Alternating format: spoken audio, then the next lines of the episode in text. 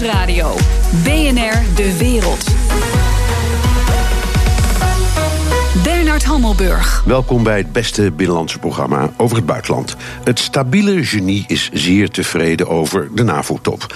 Donald Trump ging als een wervelwind door het nieuwe hoofdkwartier van de alliantie. Hij zou zelfs gesuggereerd hebben uit de NAVO te stappen, maar uiteindelijk zijn de financiële beloftes van de bondgenoten genoeg voor de Amerikaanse president. This has turned out to be a very successful summit. This is, I think, I think really that. NATO is more uh, put together right now, is more coordinated, and I think there's a better spirit for NATO right now than perhaps they've ever had. Europa-verslaggever Jesse Pinster is op de top, in Brussel. Jesse, de NAVO heeft er nog nooit zo goed voorgestaan volgens Trump. Is dat ook het beeld wat jij daar krijgt? Nee, het beeld wat ik hier krijg is dat uh, deze top ronduit chaotisch is uh, verlopen. Met dingen die toch echt vooral anders liepen dan dat ze uh, gepland waren. Het zit er nu net op. Misschien hoor je op de achtergrond af en toe nog een politiehelikopter voor de begeleiding van de regeringsleiders die nu zo een beetje weggaan. Trump is al even weg, maar die sloot dus af met een drie kwartier durende persconferentie die een soort lofrede was aan wat er allemaal deze twee dagen hier bereikt is. Maar ondertussen lekker er ook dingen uit dat hij behoorlijk met zijn vuist op tafel heeft lopen slaan. En dat er dus zelfs uh, aan het eind van deze ochtend ineens een, een, een ingelaste spoedvergadering nodig was om het toch weer over geld te gaan hebben. Ondanks dat dat eigenlijk gisteren al besproken was, zelfs in een slotverklaring was vastgelegd. Maar Trump die heeft waarschijnlijk vanochtend de kranten opengeslagen en was toch niet helemaal blij met hoe dat verhaal uh, daar terecht was gekomen. Welke beloften zijn er nou precies gedaan aan Trump?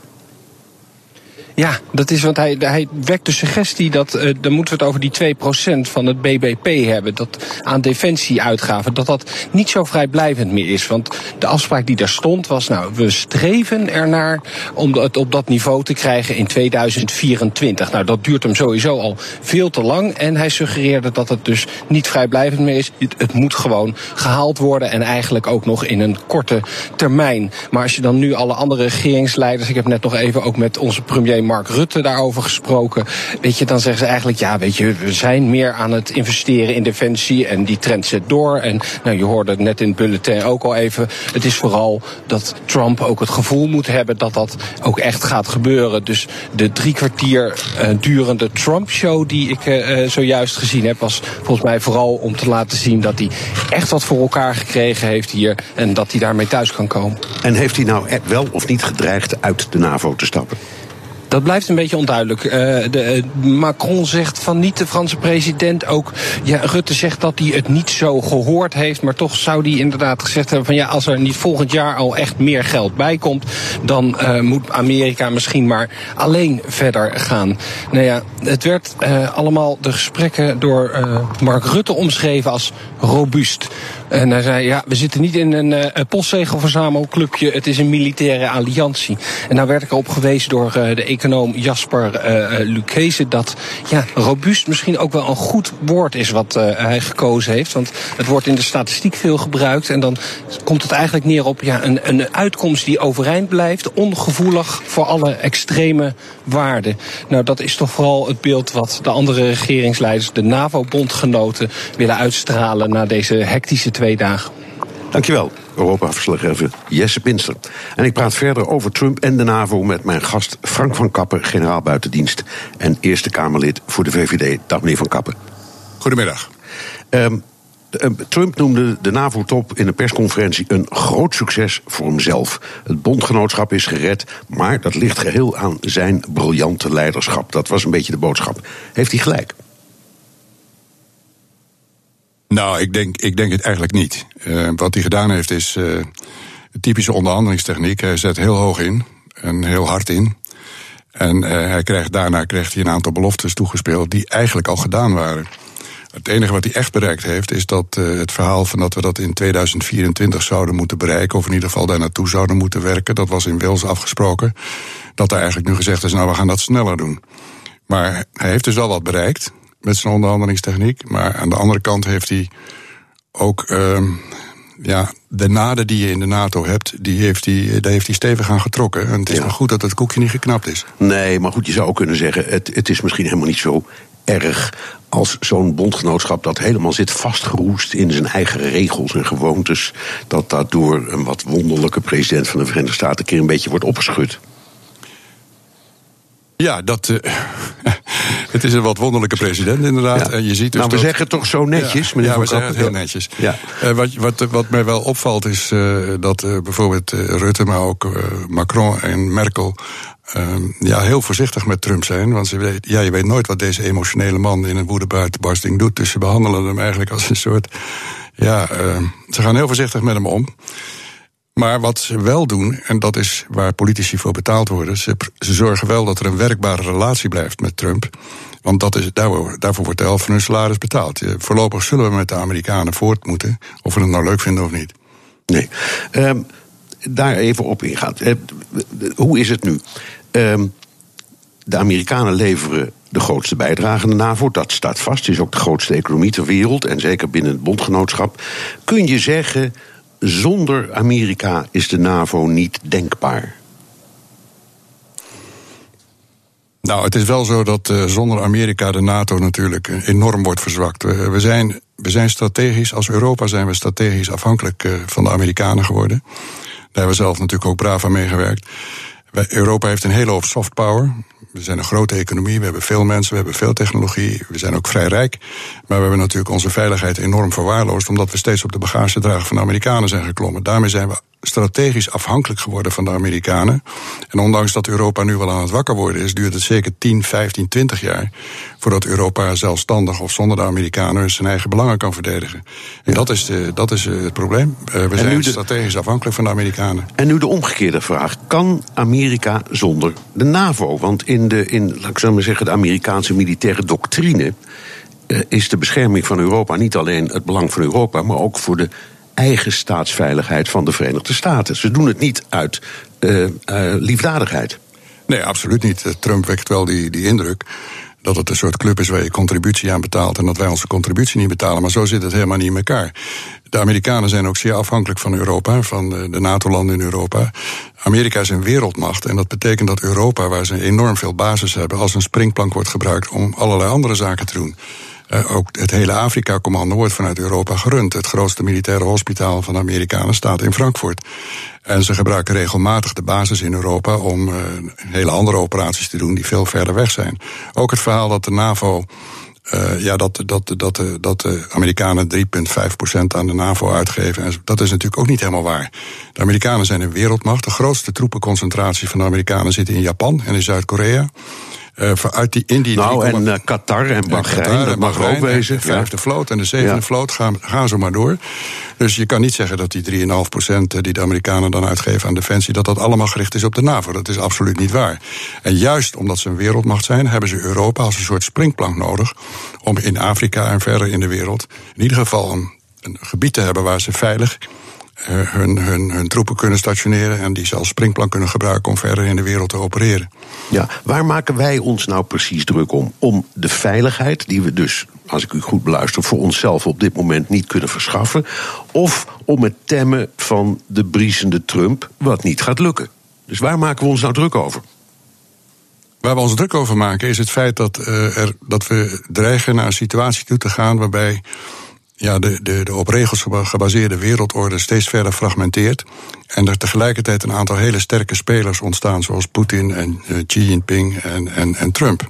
Als je geen wereldorde meer hebt die, die, die krachtig genoeg is, dan krijgen dus die hele sterke spelers die krijgen de vrije hand. En dan krijg je dus een scenario, wat overigens al beschreven is in de verkenningen, waarbij de strong rule the weak. En de weak suffer what they must. Hè. De, de, de sterke landen die maken dan gewoon afspraken met elkaar en die doen gewoon waar ze zin in hebben. Want er is geen wereldorde meer die ze tot de orde roept. Ja, en de zwakkere landen, ja, die, die zullen dat allemaal moeten ondergaan. Dat scenario, dat moeten we voorkomen. En dat betekent dus dat met name die op regels gebaseerde wereldorde waar Trump nu tegenaan trapt, die overigens met de Amerikanen samen is opgebouwd na de Tweede Wereldoorlog, dat we die moeten proberen te beschermen en zorgen dat het koekje niet volledig knapt. Want dan zijn we nog verder van huis. Ja, is het daarom dat hij zijn eerste aanval richtte op Duitsland, de grootste economie in Europa, omdat hij klaarblijkelijk denkt in grote krachtige landen en kleintjes die er niet zo toe doen? Hij maakt een enorme toestand over dat uh, Nord Stream, uh, Stream 2. Um, wij beschermen Duitsland uh, en het land geld, ze, hun geld gaat naar Rusland voor gas en zo. Is dat daarom dat hij zo tegen Duitsland uitviel? Nou ja, het blijkt ook wel uit Steve Bannon, die we laatst ook al gehoord hebben op Nieuwsuur. Trump heeft helemaal niks met Europa als de Europese Unie. Hij heeft niks tegen Europese landen, maar wel tegen de Europese Unie. Kijk, die onafhankelijke of die kleine Europese peststaartjes in zijn ogen, die kan die individueel allemaal wel aan. Maar als ze zich samenvoegen tot de Europese Unie, ja, dan heeft hij wel een probleem. En de harde kern van de Europese Unie, dat is Duitsland. En hij probeert dus echt die Europese Unie uit elkaar te spelen. En dat bedoel ik ook met dat aanvallen van die, van die rule-based world order. Daar is de Europese Unie natuurlijk ook een onderdeel van. Hij heeft helemaal niks met al die internationale afspraken en organisaties die hem regelmatig aan zijn jas trekken en op, op de vingers stikken. Dat is niet in het Amerikaans belang, in zijn visie. Ik denk dat hij daar een geweldige denkfout maakt, maar dat is wat anders. Ja. Um, zo dadelijk. Trump zoekt toenadering tot Poetin. We hadden het daar net al even over. Waar leidt dat toe en wat betekent het voor ons? BNR Nieuwsradio. BNR De Wereld. Mijn gast Frank van Kappen, generaal buitendienst en Eerste Kamerlid voor de VVD. Meneer van Kappen, we hadden het net over de spanning rondom de NAVO-top. Laten we praten over uh, het bezoek van Trump aan Poetin, dat voor de deur staat. Op zijn persconferentie zei Trump erover: ja, vrienden, vijanden, eigenlijk is het een soort concurrent. Um, zo ziet hij dat, als, als zakenman misschien. Ze zitten binnenkort uh, om de tafel in Helsinki. U spreekt heel veel mensen binnen de NAVO. Hoe wordt er naar die ontmoeting gekeken? Ja, wat daaronder ligt is een. Uh, ik zal maar even heel kort door de bocht gaan, dan ben ik in ieder geval duidelijk is de angst dat in dat scenario wat ik geschetst heb, waar je in hele sterke landen hebt en een afbrukkelende internationale rechtsorde die ze niet meer tot de orde kan roepen, dat Trump de verleiding heeft om een, eh, een, een afspraak te maken met, eh, met Poetin over de invloedssfeer binnen Europa en met eh, Xi Jinping over Azië. Dat is ook waar de Japanners, waar ik ben een paar weken geleden geweest, zich geweldige zorgen over maken. Ze durven het niet echt hardop te zeggen. Maar men is eigenlijk bang voor een dubbel Jalta. Dat uh, Trump een afspraak maakt met, uh, met Poetin over. Nou ja, we gaan al die problemen in Europa even oplossen. En uh, daar maken we nog gewoon een business deal van. Ik doe dit en jij doet dat. Wat krijg ik van jou en wat, wat, wat krijg jij dan van mij? En dat hij hetzelfde uiteindelijk gaat doen met Xi Jinping. Wat binnen, dat bezoek staat ook binnenkort op de orde. Dat is de onderliggende angst voor een scenario. Wat ik overigens niet onmogelijk acht, maar ook niet erg waarschijnlijk hoor. Nee. Maar dat Jalta, is wel waar men zich geweldig zorgen over maakt. Voor Jalta, voor de duidelijkheid, was de, de conferentie aan het eind van de Tweede Wereldoorlog, waarin iedereen, om het maar simpel te houden, de wereld werd verdeeld. Tussen, ja, tussen de sferen werden verdeeld. Ja. ja. Hoe zou dat nieuwe Jalta er dan uit gaan zien? Nou, ik, ik denk dat. Uh, ja, ik, Waar ze afspraken over zouden kunnen maken, laat ik het zo maar zeggen. Dat is in, in, over de, de, frozen conflicts aan de, aan de randen van Europa. Dat is Oekraïne natuurlijk, Oost-Oekraïne, de Krim, uh, Nagorno-Karabakh, uh, Transnistrië, uh, Georgië. Dat, dat, zijn de, dat is waar die twee machtsblokken tegen elkaar aanschuren, Europa en Rusland. En daar is ook altijd ellende op die naden in het systeem. Dat ze daar afspraken over gaan maken. En van oké, okay, wij zullen, als je, wij, zullen de, wij zullen de Krim erkennen en uh, maken, dan moet je ophouden met het gedonder in, in Oost-Oekraïne. Iets in die geest. Tegelijkertijd ook over het Midden-Oosten, want dat is ook zo'n aanpalend gebied. Die scenario's zijn met elkaar verbonden, omdat de Russen daar ook actief zijn. Ja, je hebt kans dat daar een afspraak wordt gemaakt van: oké, als uh, Poetin zorgt dat Iran in de touw wordt gehouden, dan zijn de Amerikanen wel bereid om een aantal concessies te doen uh, in het Israëlisch-Palestijnse conflict.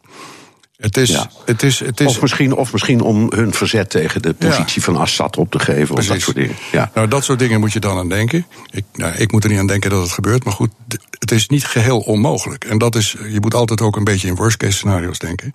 En dat is het worst case scenario waar een aantal analisten behoorlijk bang voor zijn. En ook de Japanners maken zich daar geweldige zorgen over. Ja, ik, ik direct nog even over Japan. Maar wat u beschrijft over Europa, dat is onze achtertuin. Um, ja, uh, je kan ook zeggen, het is realpolitiek. U, u, u, zegt, ik krijg er de koude rillingen van. Maar ja, soms zijn dingen wel eens wat ze zijn. En op een bepaald moment moet je misschien aanvaarden. Daar hebben we het al eerder over gehad, u en ik. Dat die, die Krim zijn we kwijt. Dus je kan wel blijven roepen, dat mag niet en het is landje pik en ga zo maar door. Je kunt het niet goedkeuren. Maar feit is feit. Dus ik kan me voorstellen dat Trump zegt, zand erover. We moeten maar eens door. Ja, dat, Kijk, waar wij altijd knijp mee zitten in, in, in onze redenatie op elk gebied, dat is dat we, dat we onze normen en waarden hebben. Dus je hebt een manier van redeneren uit je normen en waarden, je hebt een manier van redeneren uit je belangen. Als je puur naar je belangen kijkt, ja, dan is zo'n zo'n deal met over de Krim is misschien helemaal niet zo onvoordelig.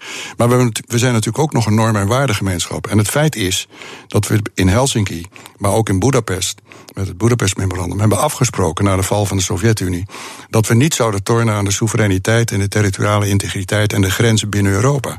Ja, als je dat dus overboord gooit, dan, nou, dan gaan we weer terug naar het eerste scenario wat ik schetste. Die rule-based world order, hè, waarbij je afspraken hebt gemaakt hoe je met elkaar omgaat, die komt dan nog verder onder druk te staan. Dus je moet altijd die afweging maken tussen je normen- en waarderedenatie en je belangenredenatie. Ik vind dat ook altijd lastig, maar in dit geval denk ik dat de prijs te hoog is. Als je hierin toegeeft, dan, ja, wie zijn we dan nog? Ik bedoel, welke afspraken gelden er dan nog wel? Oké, maar dan, dit, is wat de Russische minister van Buitenlandse Zaken Lavrov de multipolaire wereld noemt. Hè, dus het verdelen over meer machten. Maar u zegt, je, je kunt dit niet over je kant laten gaan. Maar wat kun je wel als je zegt, ik blijf principieel en dus ook um, verbaal mij verzetten tegen die situatie in de Krim. En, dat, en we, houden, we houden de sancties vol en, en we wijken niet. Wat levert het uiteindelijk op? Er moet toch beweging in komen? Ja, er moet ook beweging in komen. Maar er zijn natuurlijk grenzen aan uh, welke principes je opoffert. En natuurlijk, ik ben ook een realpoliticus. Ik ben ook niet iemand die alsmaar op de morele hoge grond blijft zitten en daarna weggespoeld wordt. Ik begrijp ook wel dat je naar je belangen moet kijken. Maar er zijn grenzen aan tot waar je moet gaan.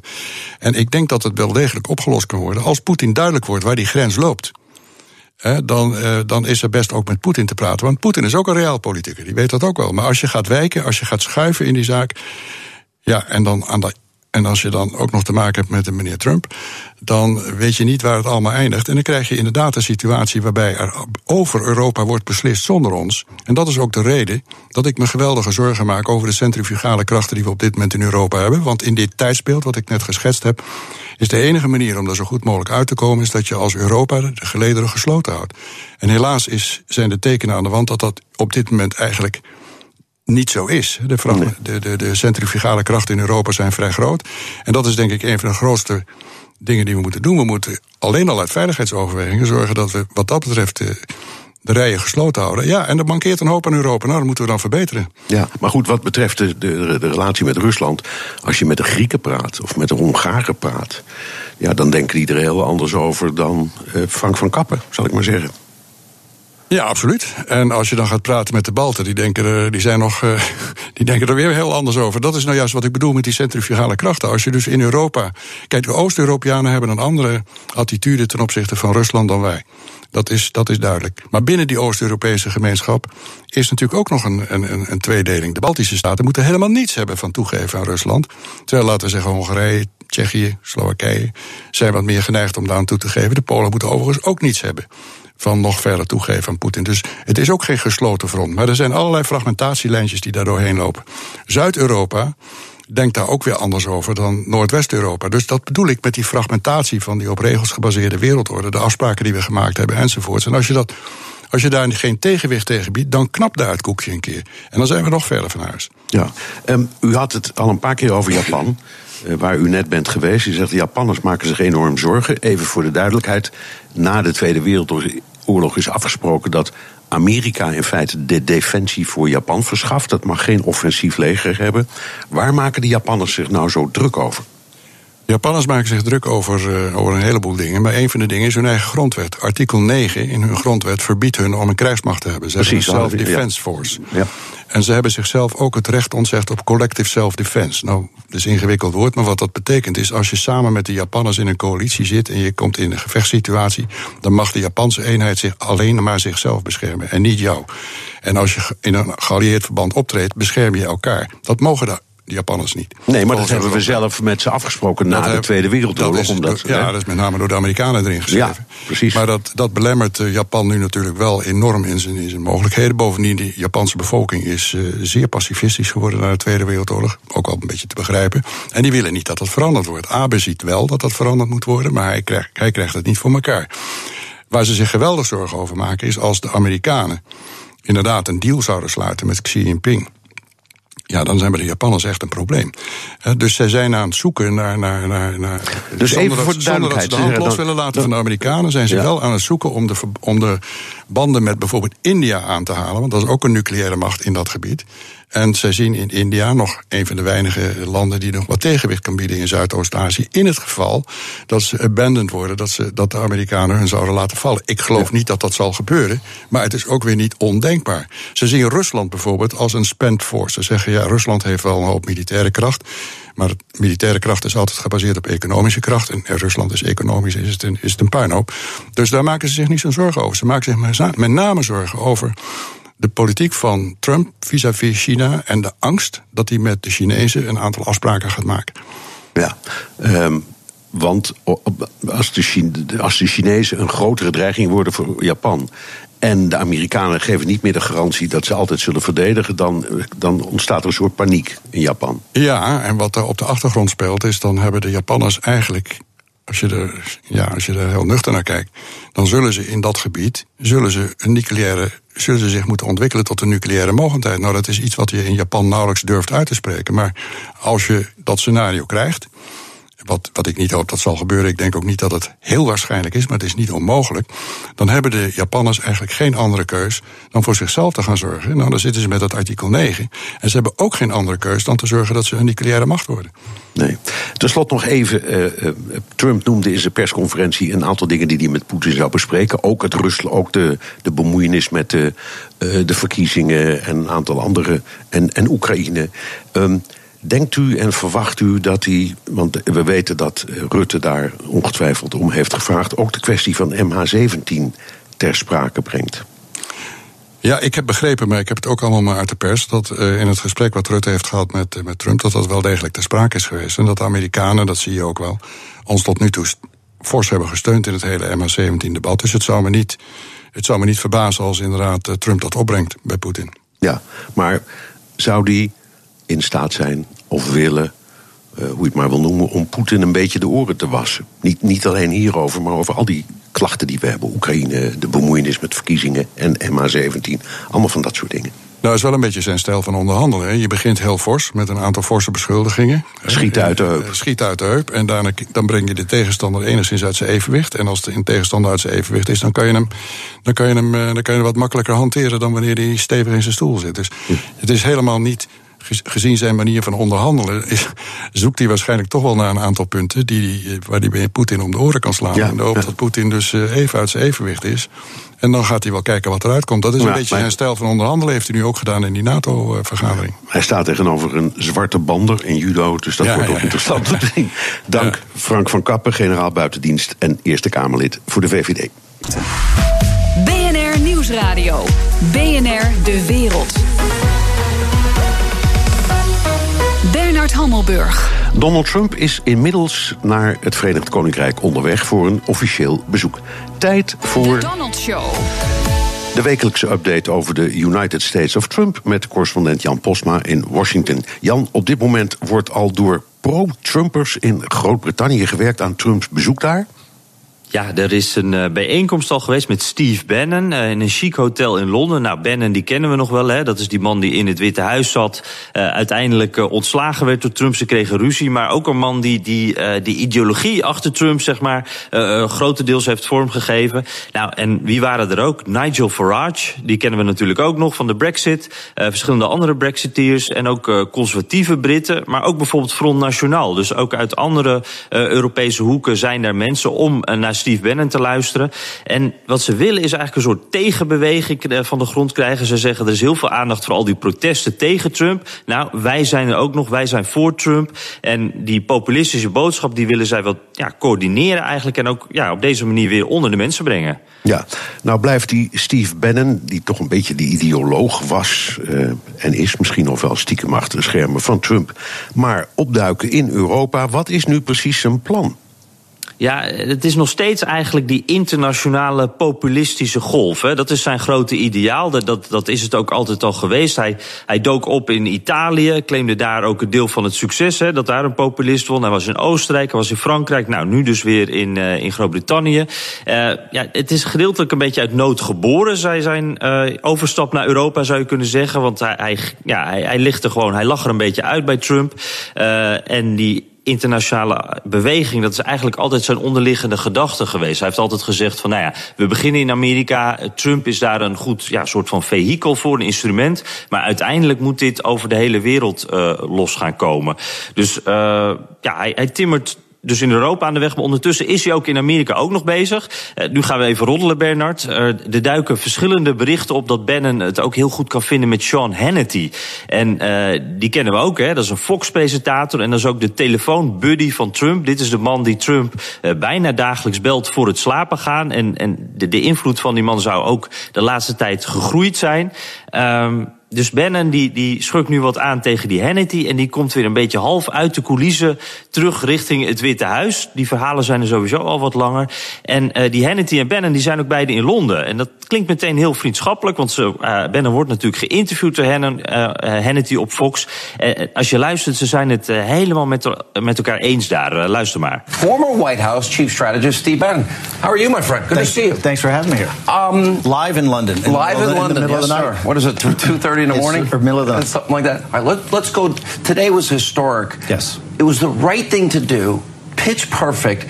And I don't think anybody ever laid out those numbers. And it, it, Sean, look at the meltdown on the mainstream media in the permanent political class of both parties. Ja, je hoort dus, ze zijn het helemaal met elkaar eens. Het klinkt ook heel vriendschappelijk als ze daar om half drie s'nachts vanwege tijdsverschil dat, uh, dat interview doen. En als je het hele interview ook luistert, het zijn steeds eigenlijk twee mannen die het op elk punt met elkaar eens uh, zijn. En Hannity, daar weten van Trump, die kijkt daarnaar. En Trump luistert ook vaak naar hem. Dus dit was ook weer een beetje zo'n interview voor een audience of one. Een interview eigenlijk gericht op de president. Geweldig, ja. Trump zei in zijn persconferentie, ja, die demonstratie die er komen, dat, is, dat gebeurt nou eenmaal. Dus hij, hij deed daar luchtig over, maar hij probeert ja. ze wel te ontlopen. Ja, inderdaad. En ik denk ook dat uh, zijn uh, gastheren in Groot-Brittannië dat ook proberen een beetje zo uh, los van elkaar te houden. Londen wordt in, in eigenlijk het hele bezoek een beetje ontweken, kan je wel zeggen. Ze komen er wel, maar hij gaat bijvoorbeeld niet naar Buckingham Palace, gaat niet naar het House of Parliament. ook die rit met een koets, daar had Trump het ooit over dat hij dat graag wilde. Veel ceremonie, dat zit er dus ook niet in. Het is niet een officieel staatsbezoek, maar wel bijvoorbeeld het bezoek met de koningin. Dat zal dan wel ergens anders plaatsvinden, buiten Londen. En ook wel uh, een grappig detail, een, een, black tie dinner in Blenheim Castle. En dat is het geboortehuis van Winston Churchill. En daar wordt niet vaak ontvangen. Dus uh, het verhaal is ook dat ze dat een beetje doen, zodat Trump daar ook een beetje over op kan scheppen van zie nou, niet elk uh, staats, niet alle staatslieden worden hier ontvangen, maar ik, de president van Amerika, wel. Ja, het is mooi trouwens, uh, van de hertog van Marlborough. Je kan het bekijken, heb ik wel eens gedaan. Kan ik je zeer aanbevelen. Dat uh, Blenheim Ik ben nog nooit geweest, lijkt me wat. Blenheim. Ja. Ja. Blenheim, oh ja, Blenheim sorry, ja. het uit. Ja. nou, uh, hij gaat ook naar Schotland, hè, want hij zei ook in zijn persconferentie... ja, daar heb ik uh, allerlei ontgoed en zo, dus daar ga ik dan ook Ja. heen. En, uh, als, alsof hij daar zou worden binnengehaald als de eigenaar van het land, zou ik maar zeggen. Ja, klopt. Zo, zo bracht hij dat wel, ja. En ik vond het ook wel mooi, eh, dat, dat was jou dus ook opgevallen. Hij, plucht het ook echt weer even. Hè. Dat doet hij af en toe dan even. Dan komt er even zo'n naam van een golfresort voorbij. Oh, dat is wel een fantastische plek, eh, hoor je dan de president zeggen. Uh, en nu dus ook. Ja, en, voor zijn reis naar Helsinki, hè, voor het gesprek met Poetin, waar jullie het ook al over hadden. Ja, gaat hij eventjes nog relaxen eigenlijk. Hij gaat naar zijn resorts daar. gaat daar eventjes, ja, ik denk, de boel inspecteren. Dat doet hij ook wel eens vaker. Even kijken hoe het erbij ligt. Maar hij zal daar dus ook even lekker gaan golven. Even in alle rust. Voor dat gesprek met, met Poetin. Wat hij trouwens het makkelijkste gesprek noemt hè, van deze week. Dus op dat Ja. punt uh, heeft hij het moeilijkst alweer gehad. Ja, oké, dankjewel. Correspondent Jan Postma in Washington. BNR De Wereld. De handelsoorlog zet Europa klem tussen Amerika en China. Met een charme-offensief proberen de Chinezen de Europeanen te verleiden en naar hun kamp te lokken. Is China een als bondgenoot goed alternatief voor de Verenigde Staten? Daarover praat ik met Henk Schulte-Noordholt, China-kenner en schrijver van het boek China en de Barbaren. Welkom. Dank je, Werner. Um, Chinezen willen graag dat Europa hun kant kiest. Heeft China ons nodig om de handelsoorlog te overleven? Um, nou ja, Europa is wel een heel belangrijke exportmarkt. Daarom daarmee te beginnen. Voor, uh, voor China. Ongeveer 20% van de Chinese export gaat naar Europa. Dat is ongeveer gelijk aan Amerika. Zij dat de Amerikanen veel groter handelstekort hebben. Maar daarnaast hebben ze ons nodig. Uh, ze vinden het vervelend alleen te komen staan in de wereld. Zij zien de wereld toch wel als drie machtsblokken: Amerika, Europese Unie niet heel vergelijkbaar met Amerika, maar toch een groot economisch blok in China. En, als zij dan... en, en, en, Rusland niet, dus. dus als, als je Lavrovs multipolaire uh, wereld, daar telt Rusland niet in mee. Dus nou, Dat, dat claimt China wel. Dat is een multipolaire wereld, daar streven ze naar. Democratie tussen staten. Maar ja, de, Chinese, de Russische economie is geloof ik zo groot als die van Spanje. Dus zo kijken ze ook met een koele Twee keer zo groot als die van Nederland, geloof ik. Ja, ja niet eens, denk ik. Maar... Ja. ja, dus, dus uh, nee, het gaat om die drie blokken. En uh, Europa is natuurlijk belangrijk als afzetmarkt, ik zei het al, en als bron van technologie. Dus um, dat vinden ze, daarom vinden ze Europa ook belangrijk. Ja, Amerikanen kwamen nu uh, weer met nieuwe dreigingen voor tarieven. Sterker nog, met nieuwe tarieven ter waarde van maar liefst 200 miljard dollar. Zal China blijven regeren met tegenmaatregelen? Ja, ja absoluut. Um, nou, het is, het een tweesporenbeleid zou je kunnen zeggen, enerzijds vereist de trots van China en het imago van de partij dat ze dat niet onbeantwoord kunnen laten. Dus ze zullen tit voor tat uh, dat volgen. Maar tegelijkertijd blijven ze open voor uh, gesprek, voor dialoog. En zullen ze proberen Amerikaanse bedrijven te paaien. Ik weet niet of dat het gevolgd, maar net is er vorige week een grote aankondiging gedaan dat Tesla in Shanghai een enorme fabriek gaat beginnen. Dus het laten zien dat het bedrijfsleven, ja, die, die overheid vind je doet lastig, maar uiteindelijk is China toch een hele belangrijke markt waar we jullie graag welkom heten. En heeft Tesla het daar zelf voor te zeggen? Want dat is altijd een punt met die investeringen. Ja, ja dat is interessant. Eh, want uh, tot nu toe inderdaad, de auto-industrie was een van de beperkte sectoren waarin je kon investeren. En nu schijnen ze daar 100% eigendom te, te kunnen krijgen over die fabriek. Ja. Um, doen die tarieven de Chinezen nou echt pijn? Nou, Um, nee, kijk, het aandeel van de buitenlandse handel wordt steeds minder in de totale Chinese economie. Maar je hebt wel een, een, effect, een neveneffect dat ze niet zo leuk vinden. De, de bedrijven die getroffen worden in Amerikaanse sancties. ZTE bijvoorbeeld, een groot telecommunicatiebedrijf, afhankelijk van Amerikaanse chips, is bijna ten onder gegaan. De koersen van veel bedrijven dalen dan op beurzen. Dat vinden ze vervelend. En als je kijkt naar Amerikaanse, sorry, Chinese investeringen in Amerika, die zijn ook echt gekelderd. Dus er zijn allerlei neveneffecten los van die pure handelsrelatie, die ze toch heel onplezierig vinden. En de Chinese ja. beurzen zijn ook onderuit gegaan. Dus ja, het is wel belangrijk. Ja, goed, maar beurzen die onderuit gaan, die komen altijd wel weer omhoog. Dat zijn dan toch meestal korte termijn effecten. De vraag over de pijn was eigenlijk meer echt economisch treft het ze echt? Nou of is het, of het klinkt enorm, 200 miljard dollar. Ja. Maar, maar of, of is het nou meer symboliek? Of is het echt wel iets wat ze treft? Gewoon feitelijk. Het is een instrument denk ik, om aan te geven dat. Uh, waar het eigenlijk om gaat, is de technologie. Zoals ze daar geen toegang meer toe krijgen tot Amerikaanse technologie. En Trump heeft ook gezegd samen met zijn staf: ja, jullie jatten onze technologie via cybercrime of gedwongen joint ventures, waarbij we dan gedwongen worden Amerikanen om technologie over te dragen. En daar moet paal en perk worden gesteld. En dat doen we met een instrument wat misschien niet zo uh, uh, subtiel is, maar van die handelsrelatie. Want daar kun je direct treffen. Maar uiteindelijk gaat het erom wie wordt de technologisch dominante speler in deze eeuw.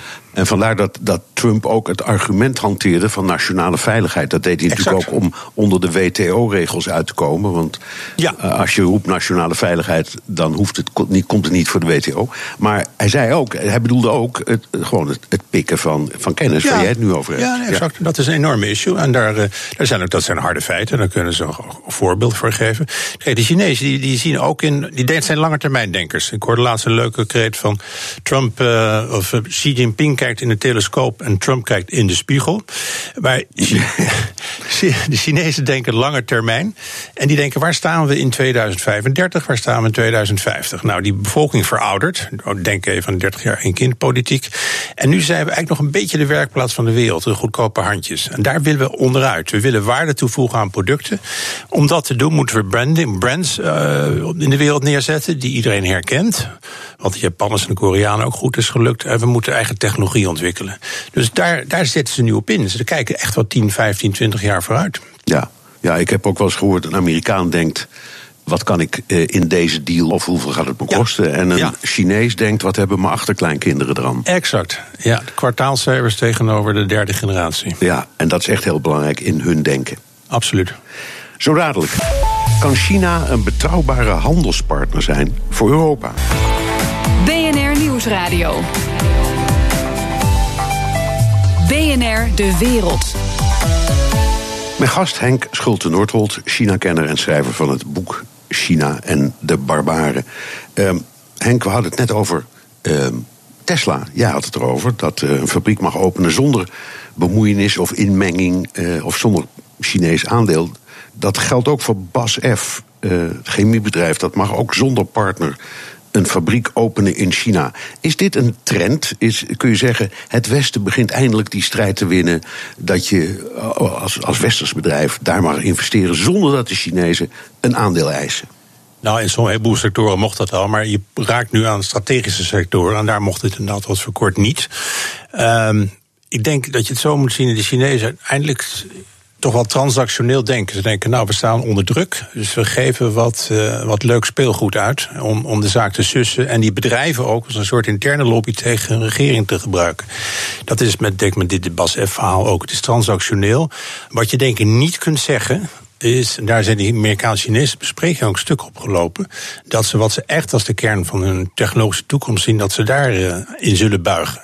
Dus de sectoren, ja, elektrische auto's, batterijen, artificiële intelligentie, waar ze heel ver zijn, militaire technologie. Dus ik denk dat je niet kunt spreken van een structurele, maar wel van een tactische toegeving. Maar, maar als ik je goed begrijp, zien ze dus Tesla en BASF als een soort kleuters um, en niet echt strategisch belangrijke bedrijven. Nou ja, auto-industrie is natuurlijk minder belangrijk dan militaire technologie of echte dingen die ze echt als de kern zien. Het moet ook maar eens blijken in hoeverre ze het nou voortzetten in maatregelen, dat het eenmalig is. Kijk, als de Amerikanen vervelend blijven doen, dan zullen ze toch de Chinese of de Amerikaanse investeringen in. Uh, in China zullen het ook steeds moeilijker krijgen. Uh, bijvoorbeeld, er komt eens een onderzoek van de brandweer of een kijken of je niet prijsafspraken hebt gemaakt. Er zijn allerlei andere middelen dan tegentarieven, zeg maar, om, om Amerikaanse en buitenlandse investeringen te treffen. Maar waar het om gaat, en denk de kern van jouw vraag is: is het nou echt een, een, een bekering van, van hun inzicht? Gaan ze structureel die markt openen? Ontstaat er een gelijk speelveld? Met, uh, met gelijk, vergelijkbaar aan het Westen en, en, en Europa en Amerika laten al heel lang Chinese technologiebedrijven toe. Of is het, is het eenmalig en meer trans, transactioneel? En ik denk uh, het laatste. Ja, er komt een top tussen Europa en China. Daar wordt ook weer gesproken over een soort handelsakkoord ja. met China. Wat, wat houdt dat in? Nou, Europa is al sinds 2013 bezig een investeringsakkoord te sluiten. Daar zitten ook handelsaspecten aan met China. En die hebben dat eigenlijk een beetje afgehouden. Um, en de Europese denken was ook altijd, nou, we gaan eerst die. Uh, TIPP heet dat geloof ik, die, die overeenkomst met de Amerikanen uh, sluiten. En dan ja. staan we sterker als twee grote blokken tegenover China om onze eigen voorwaarden aan China op te leggen, onze eigen normen en waarden. Nou, dat is dat Amerikaans verhaal is mislukt, dat weet je natuurlijk. Dus nu staan ze er alleen voor tegenover China. Maar ze weten ook dat China Europa weer nodig heeft tegenover Amerika. Dus uh, China. Um, China heeft dat weer geactiveerd. En Europa zegt dat is goed, maar bepaalde kerndingen gaan we niet aan tornen. En interessant genoeg, dat hoorde ik van iemand die ik in Brussel ken die daar werkt. Is er parallel ook een mensenrechtendialoog aan die top. Dat hebben de Chinezen vier jaar lang afgehouden. Dat vinden ze eigenlijk maar een beetje flauwekul. Maar de Chine Europeanen hebben gewoon geëist. Als u met ons over investeringsakkoorden wil praten, willen we ook de mensendialoog hervatten. Ja. En dat is toegestaan. Ja, en uh, het is nog steeds het land dat meer mensen executeert dan alle landen met de doodstraf bij elkaar opgeteld. Hè? Ja, zelfs, uh, zelfs uh, relatief geloof ik, per hoofd van bevolking. Maar, want daar kom je natuurlijk al snel aan met 1,3 miljard mensen. Maar dat, dat is waar. Ja. Dus dat is één, één voorbeeld, maar... Per, per hoofd van de bevolking is een cynische woordgrap, maar oké. Okay. ja, ja, precies. Dit, ja. um, dus China heeft uh, twee zijderoutes in aanbouw, in aanleg. Ja. Uh, uh, dat, ja, gebaseerd dan op dat oude idee van de, de zijderoute uh, uit de tijd van, de, van, het vroege keizerrijk. Zeker. ook, ook toen werd die, die zijderoute, als ik het goed begrijp, al gebruikt voor het importeren van kennis. We zouden nu zeggen intellectueel eigendom. Maar goed, ze zijn lucratiever voor China dan voor Europa. Ja. Er, er komen volle treinen eh, met Chinese goederen naar Europa, maar die gaan dan leeg weer terug. Gaat dat nou ook veranderen? Als je over zo'n in, in, die, in, die, in die handelsbesprekingen. Ja, je doelt op het wat ze China OBOR noemen, One Belt, One Road. Staat, slaat inderdaad die twee routes, één over land en één over zee. Overigens, die treinen die rijden nog niet in volle vaart hoor. Ja, er is wel van die symbolische verbindingen. Er worden de vlaggen uh, gehesen van hoera, we zijn verbonden. Maar er moet nog ontzettend veel infrastructureel werk worden verricht. Voordat Europa echt over land en over zee is, is verbonden op een ja, manier. Voordat je, voordat je in één Ja. keer van eh, Shanghai naar Rotterdam komt. Ja, om maar Ja. wat te noemen. Maar waar de Chinezen nu om gaat in deze fase, en, dat steekt de Europeanen ook en de Amerikanen, is dat er heel veel infrastructuur moet worden aangelegd. Spoorwegen door Zuid-Azië, eh, havens moeten worden aangelegd op Sri Lanka, ga maar door. Overslaghavens in Kazachstan. En bijna al dat werk, dat wordt uitgevoerd door Chinese aannemers.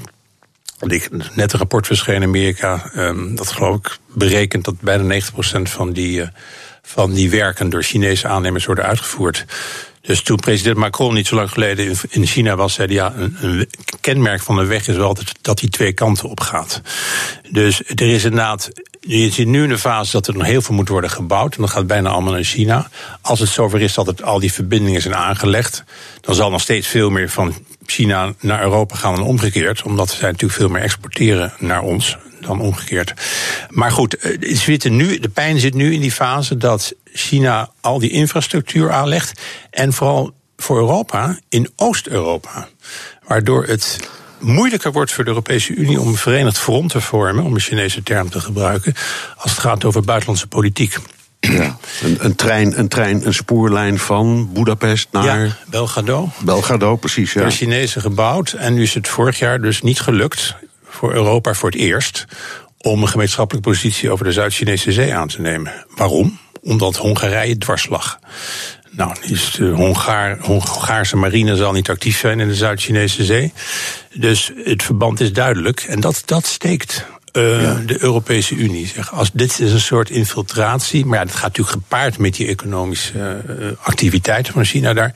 Waar ook weer politieke voorwaarden aan verbonden worden. Ja. Zou, zou eh, helemaal los van alles. Gesteld, China komt ons tegemoet en al dit soort dingen worden uitgepraat en de Europese Unie trekt een beetje één lijn. Ja. Zou in principe China eh, Amerika kunnen vervangen als de belangrijkste grootmacht of de belangrijkste handelspartner of de belangrijkste partner? Nou, ik denk ten fundamentele dat dat niet een goede ruil zou zijn voor de Europese Unie. Wij claimen ook graag, en dat staat ook in de handvest van de EU, dat wij een unie van waarden zijn. Vrijheid, democratie, eerlijke rechtsgang. En dat zijn natuurlijk waarden die in China helemaal niet van belang zijn. Als ik het kort mag samenvatten, waar het nu om gaat in China is. Ten eerste is het de, wat zij noemen de grote verjonging van de Chinese natie. Dus China moest een oude positie van de, van de zeg maar, weer terugkrijgen. En de communistische partij moet aan de macht blijven. Dat zijn de twee allerbelangrijkste uh, dingen waar het om gaat in het buitenlands beleid. Dus wij kunnen wel met onze. We kunnen wel transactioneel nogmaals van onze kant overeenkomsten sluiten. Maar overeenkomsten berusten ook nog een beetje op gemeenschappelijk begrip, op goodwill. En wat dat betreft uh, liggen we toch heel ver uit elkaar. Ja, het is een beetje hetzelfde thema waar we het straks met Frank van Kappen over hadden. Als je over de NAVO praat. Ja. Het gaat meer dan alleen maar om simpele investeringen en militaire uitgaven. Precies. Maar ook over, over grote principes, bijvoorbeeld over de Krim. Ja. Ja. ja. Um, nou, nu even, nog even terugkomend op die uh, technologie. Uh, we doen nu net alsof die Chinese misdadigers zijn die, ons, die bij ons van alles en nog wat pikken. Um, maar de vraag is: is dat nou zo erg? Ja. Uh, wat maakt het uit als de Chinezen de spulletjes van ons in handen kijk, krijgen? En, en als je nog wat verder gaat, wat maakt het uit of wij nou in de toekomst een uh, Huawei-telefoon kopen of een Apple? Wat, wat kan het schelen? Ja, ja. Ja, het, het, maakt wel uit. Kijk, dat het land zich wil ontwikkelen en daarvoor een technologische route kiest, dat is natuurlijk legitiem. Dat, uh, dat uh, hebben meerdere landen gedaan, China niet de eerste en de enige in. Alleen de manier waarop is nogal discutabel. Hè. Er wordt natuurlijk veel gejat. Er wordt veel via cybertechnologie uh, of cyberdiefstal uh, verkregen. Uh, er worden buitenlandspartijen via joint venture gedwongen technologie. Als je dat allemaal toelaat en niet erg vindt, ja, dan, dan ontzeg je dus de uitvinder en het bedrijf het vruchtgebruik van een uitvinding. En die daarvoor jarenlang research and development hebben gedaan. En dan alles kwijt zijn. Daar zijn heel veel voorbeelden van. Dus om die reden is het, is het, is het laakbaar. En um, Ja, en tweede is wat. Bijvoorbeeld, de Chinezen heel goed met, uh, met internettechnologie. Maar waarom doen ze, kunnen zij er zo goed in zijn? Um, omdat alle data in China, die zijn zijn eigenlijk één op één uh, worden die overgedragen aan de overheid. Dus die daar ook weer andere dingen voor doet. Hè, zoals de, de veiligheidsdiensten in China, die, houden, die bouwen nu een systeem op dat iedere Chinese burger precies een bestand van wordt aangelegd. Hoe vaak die een verkeersbetreding heeft overgaan en ga maar door. Dus dat zijn dingen die ook weer, dan kom je op die waarde, hè, waar we het net over hadden. Ja, precies. En als je dan zegt dat dat blijkt te zijn gebeurd met bijvoorbeeld technologie die in Silicon Valley of in, voor mijn part, uh, uh, ja. Eindhoven is ontwikkeld, dan ja. krijg je de pest in. Ja, precies. Dan, dan, dan wordt het oneigenlijk gebruikt. Terwijl wij juist de andere kant op gaan. Hè. Wij willen de persoonsgegevens beschermen, geloof ik net een wet voor aangenomen. Dus daar zie je ook een divergentie, als het ware, tussen Europa en China. China zegt dat collectief belang is belangrijker. Communistische partij is nummer één. Alles wat in China gebeurt, mogen wij weten en mogen wij naar believen handelen om die burger in het gareel te houden. Ja, maar het, brengt me toch in verwarring. Want in het verleden, laten we kijken naar Twente. Daar zat vroeger de Nederlandse textielindustrie. Die is eerst naar Italië en toen naar Hongarije verhuisd en Polen. En uiteindelijk naar China. Ja. Dus dat hebben we in feite gewoon weggegeven. Ja. Uh, nou kun je zeggen, ja, er zat niet, misschien niet zulke hoogwaardige intellectuele eigendom om, maar het gaat meer om het principe. Uh, we hebben er ook al die jaren gebruik van gemaakt. Lage lonenland. Uh, iPhones worden niet voor niets daar geproduceerd en in Amerika geassembleerd. Ja. Dus is het niet een beetje hypocriet ook van ons allemaal? Nou ja, kijk, textiel, dat is, dat is waar. Dat is, dat is een historisch proces. Dat op een gegeven moment laag, uh, laat ik zeggen, laagwaardige industrieën worden, worden afgestoten naar ontwikkelingslanden gaan. Niet alleen naar China overigens, maar naar allerlei andere landen wordt nu textiel gemaakt. Zo is weer te duur voor China zelf inmiddels. Die stoot het ook af. Maar dat Huawei noem je, ja, dat is natuurlijk, dan kom je op telecommunicatie, dan kom je op inzicht van de data van de gebruiker. En wat ik, wat ik net dus uh, zei, dat, dat, wordt, dat wordt anders naar gekeken. De, de, de, privacy van dat verhaal in China dan naar het Westen. Dus daarom is Huawei en ZTE en al die telecommunicatiebedrijven, die, komen ook, die worden eigenlijk geweerd nu in Amerika. Die dat als een bedreiging zien van nationale veiligheid. In Europa zijn we nog niet zo ver, maar daar schuift het ook wel die kant op. En dat vind ik wel legitiem. Ik vind daarom Huawei niet goed vergelijkbaar met een textielmachine. Nee, oké, ik begrijp het. Goed, dankjewel. Henk Schulte-Noordholt, China-kenner en schrijver van het boek China en de Barbaren. En tot zover BNR De Wereld. Terugluisteren kan via de site, de app, iTunes of Spotify. Tot volgende week.